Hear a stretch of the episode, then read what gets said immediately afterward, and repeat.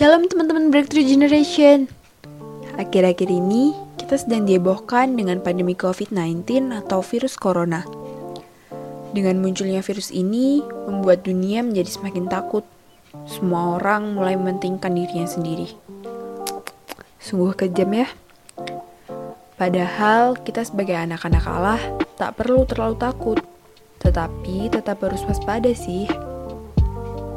Filipi 4 ayatnya yang ke-6 Janganlah hendaknya kamu khawatir tentang apa pun juga, tetapi nyatakanlah dalam segala hal keinginanmu kepada Allah, dalam doa dan permohonan dengan ucapan syukur.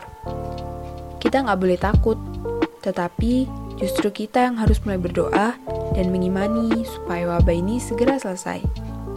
Eits, sekalipun sudah beriman, bukan berarti kita bisa kumpul-kumpul, terus nongkrong, dan bilangnya, Aku kan udah mengimani, aku gak bakal kena corona kok. Tuhan pasti jaga aku. Gak gitu ya teman-teman. Dalam Filipi 2 ayatnya yang keempat, mengajarkan kepada kita kalau kita nggak boleh mengesampingkan kepedulian terhadap orang lain. Dengan kita ketemu orang banyak di luar rumah, kita dapat menjadi carrier dan menyebarkan virus ini ke orang lain.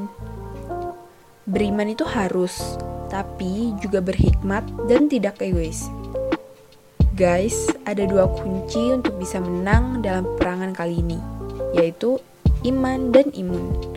Tetap pegang teguh iman kita pada Tuhan, karena dialah yang berdaulat atas segala yang ada, termasuk dalam menghentikan wabah ini.